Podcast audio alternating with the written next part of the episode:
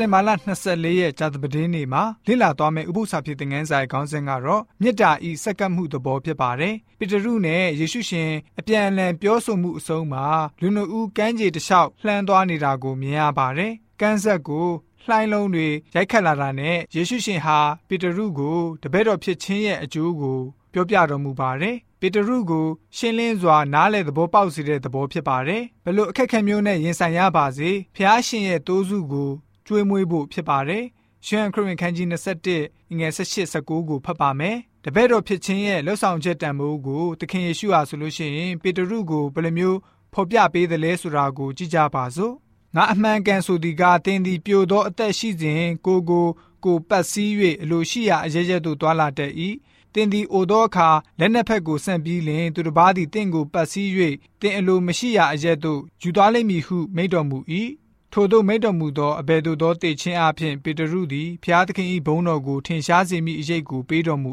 ၏ထို့သောမိတ်တော်မူပြီးမှ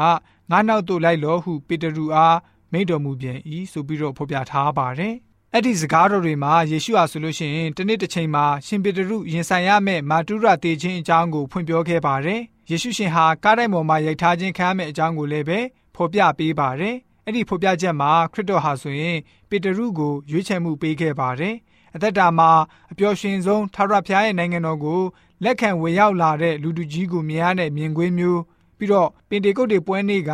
လူပေါင်းထောင်နဲ့ချီပြီးတော့ခရစ်တော်ကိုလက်ခံတဲ့မြင်ကွင်းမျိုးပြီးတော့ယေရှုရဲ့နာမတော်အားဖြင့်နမိတ်လက္ခဏာပြသနိုင်တာမျိုးနောက်ပြီးလူထောင်တောင်းတွေရဲ့ရှေ့မောက်မှာဖျားရှင်ကိုချီးမြှောက်ရတဲ့အခွင့်အရေးမျိုးပြီးတော့အမှုတော်မှာခရစ်တော်နဲ့အတူဝမ်းမြောက်ခြင်းရှိရတဲ့အဖြစ်မျိုးတွေပါဝင်ပါတယ် သို့တော့အဲ့ဒီရလက်တွေအတွက်အဖိုးအခကိုပေးဆက်ရမှာဖြစ်ပါတယ်။ပေးဆက်မှုကိုတောင်းခံပါတယ်။အဆုံးတိုင်ဆက်ကပ်ခြင်းမျိုးဖြစ်ရပါမယ်။ရှင်ပေတရုဟာ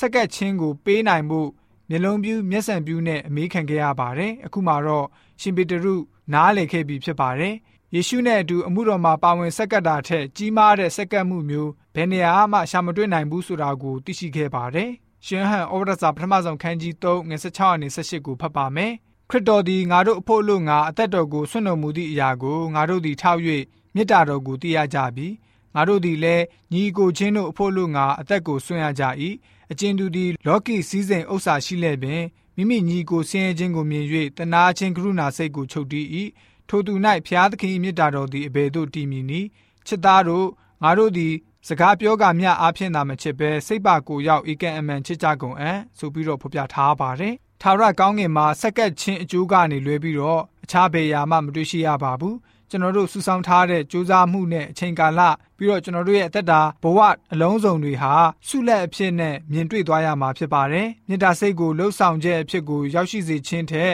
ဝမ်းသာစရာအကြောင်းမရှိတော့ပါဘူး။ဖျားရှင်မေတ္တာတော်ကိုတုတ်ပြန်ပြီးတော့ဘာတစ်ခုမှမိမိအတွက်ထားရှိခြင်းမရှိတဲ့အသက်တာပြီးတော့ခရစ်တော်အတွက်တန်တမန်တွေအဖြစ်တွားရောက်တည်တည်ခံတာ ကျွန်တော်တို့ရဲ့ရွေချက်ကိုအောင်မြင်စွာမြင်တွေ့ရတဲ့အခါမှာဆိုလို့ရှိရင်အကြီးမားဆုံးသောပျော်ရွှင်မှုမျိုးကိုရရှိစေပါတယ်။ဖျားရှင်ကနေအရေးတယူထားတဲ့စကားတော်ကတော့ရှမ်းခရစ်ခန်းကြီး73ငယ်18မှာဤအရာများကိုသင်တို့သိ၍တိတိအတိုင်းကျင့်လင်မင်္ဂလာရှိ၏ဆိုပြီးတော့ဖော်ပြထားပါတယ်။အသက်တာမှာအပျော်ဆုံးနဲ့ အကြာရှည်ဆုံးပျော်ရွှင်ခြင်းဟာကျွန်တော်တို့မှာရှိတဲ့အရာတွေကိုဖျားရှင်ရဲ့ဘုန်းတော်အတွက်ထင်ရှားစေဖို့ပြီးတော့လောကသားတွေနဲ့အတူဖျားရှင်ရဲ့မေတ္တာတော်ကိုဝေငှဖို့ဖြစ်ပါတယ်။ထာဝရနဲ့ဆိုင်တဲ့အကျင့်အစီကိုခံမှန်းရခက်ပါတယ်။အချိန်မရှိတော့ဘူးဆိုတာကိုကျွန်တော်တို့သိရှိသလိုထာဝရသက်ဆိုတဲ့အရာဟာ